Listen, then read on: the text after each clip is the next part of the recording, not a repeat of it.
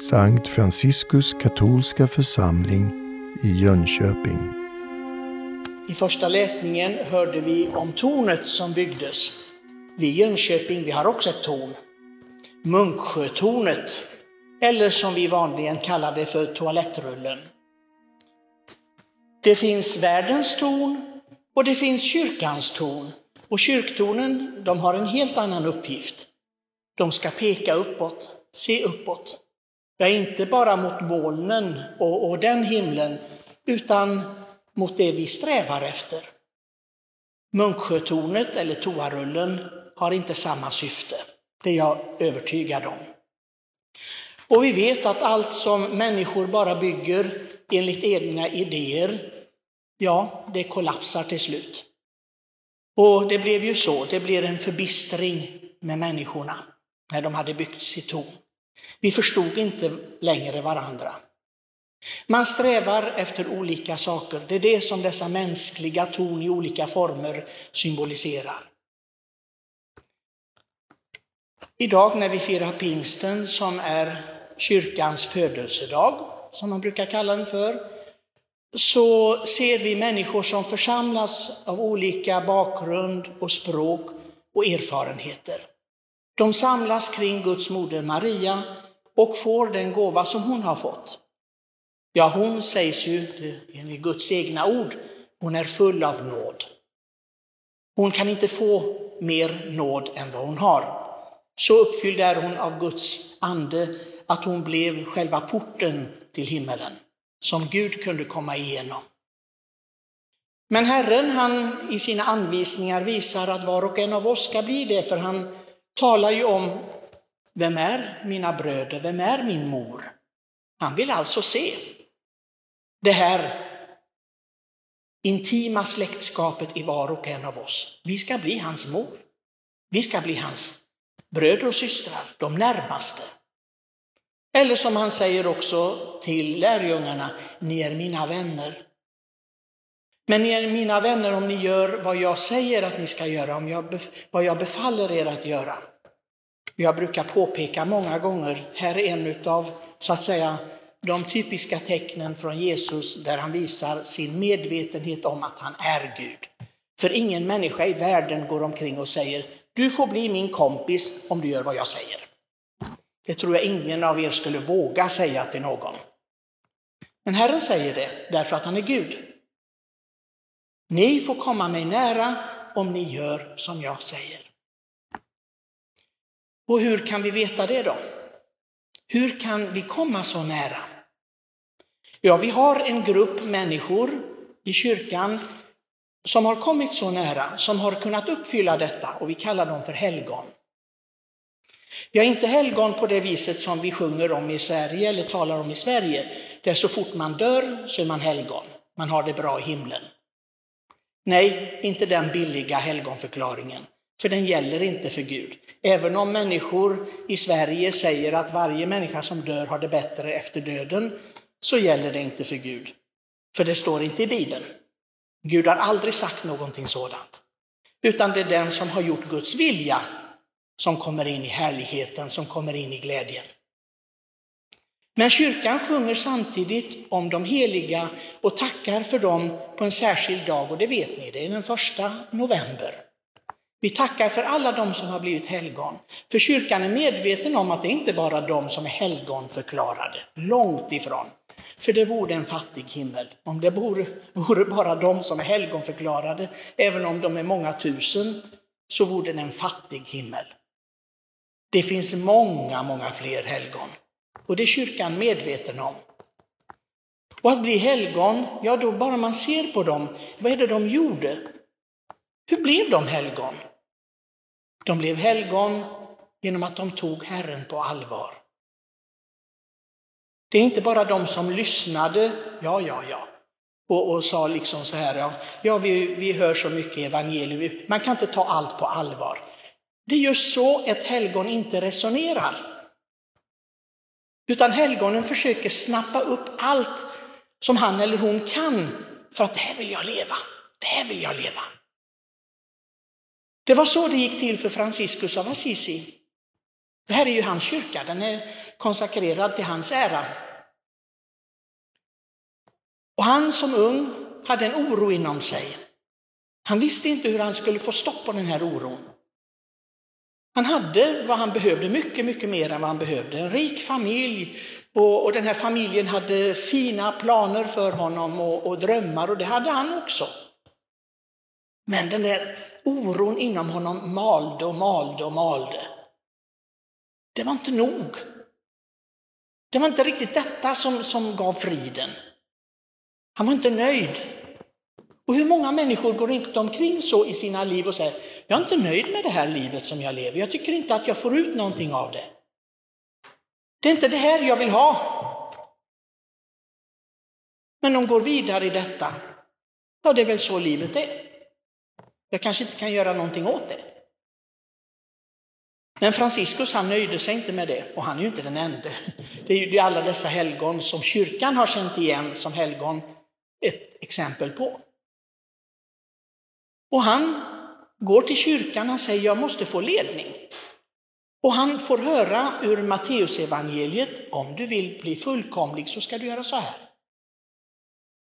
Och Franciscus gjorde inte som de flesta, för det var många som lyssnade på exakt samma evangelium, hörde samma ord år ut och år in. Men de gick tillbaka till sina vanliga liv och kanske ändrade de någonting. Eller också allting var som vanligt. Det hade varit likadant om de hade kommit till kyrkan och hört poesi deklameras eller någonting annat, spelar ingen roll. Ja, vi går i kyrkan för att vi går i kyrkan. Vi lyssnar på evangeliet för att vi lyssnar på det. Men det gör ingen skillnad. Men man säger det inte naturligtvis, det är ingen som säger så. Men i praktiken är det det det handlar om. Gör det någon skillnad eller inte? För Franciscus, han sa, det här, det här vill jag leva. Det här, det, här, det här ska jag ta. Herren har sagt detta till mig. Han brydde sig inte om om det var massor med människor som lyssnade på samma sak. Han förstod, Herren talar till mig. Och det blev någonting. Det blev upphov till kyrkans största klosterorden. Redan under hans livstid fick han uppleva att 5000 män, bara männen, i första orden kom till det stora mötet som vi firar ett 800-årsjubileum av i år. Halmmattornas kapitel. Och den 30, söndagen den 30 maj ska vi fira detta i kyrkan med sekularorden som vi har representant här. Och den stor glädje var då på detta halmmattornas kapitel som Franciscus och Antonius möttes för första gången. Två älskade helgon. Två älskade helgon som evangeliet hade betytt någonting för. Allting ändrades genom att de lyssnade på Herren. Ni förstår, det är det som att fira pingst jämt. Varje gång någonting sådant händer i en människas liv, det är inte bara en datum i kalendern, för det, det är för fattigt, då förstår vi inte det hela. Pingstens mekanism, det är när det händer någonting i mitt liv. Låt oss säga att jag har avsky för min granne. En granne som hela tiden för oväsen och, och, och buller och bång och jag får aldrig frid i detta. Och jag säger, istället för att bli ilsk och arg, ska jag knacka på kanske och bjuda på kaffe? Ska jag kanske ge ett leende när jag ser min, min granne som jag helst skulle önska flyttade till Kanarieöarna? Eller nej, det är inte det, är för fint. Men någon annan plats som inte är så trevlig.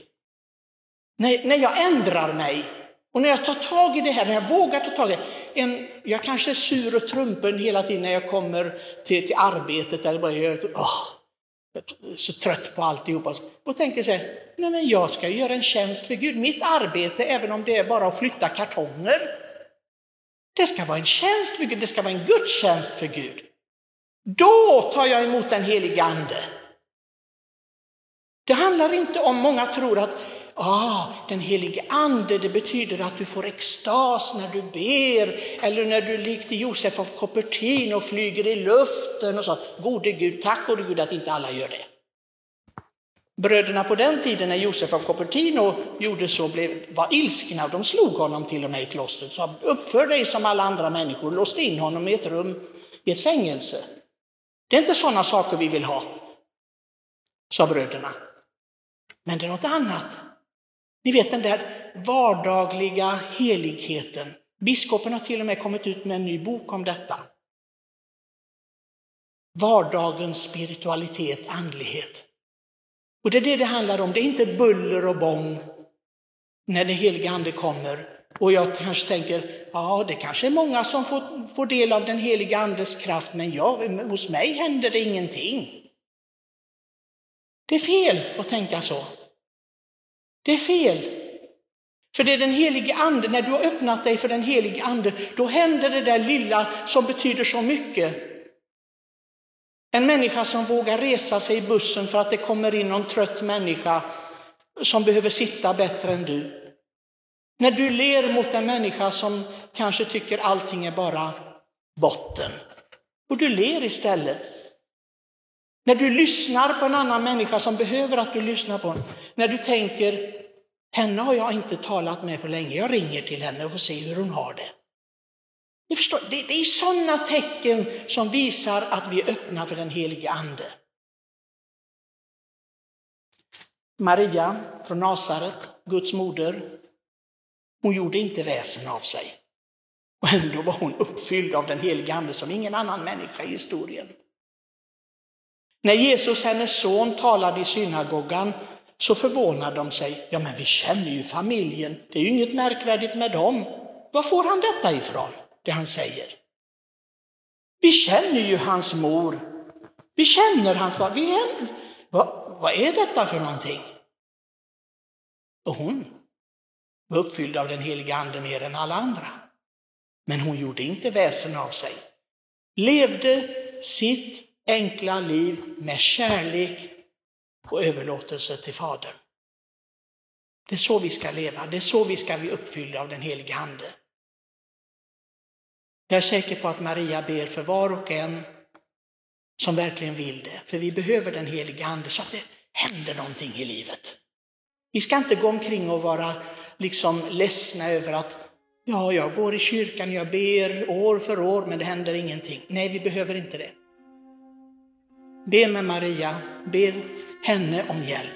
Gör det genom den vanliga bönen, rosenkransen. Det är den bästa bön som finns. Låt oss göra det så att vi får den kraften som Gud vill ge var och en av oss. I Faderns och Sonens och den heliga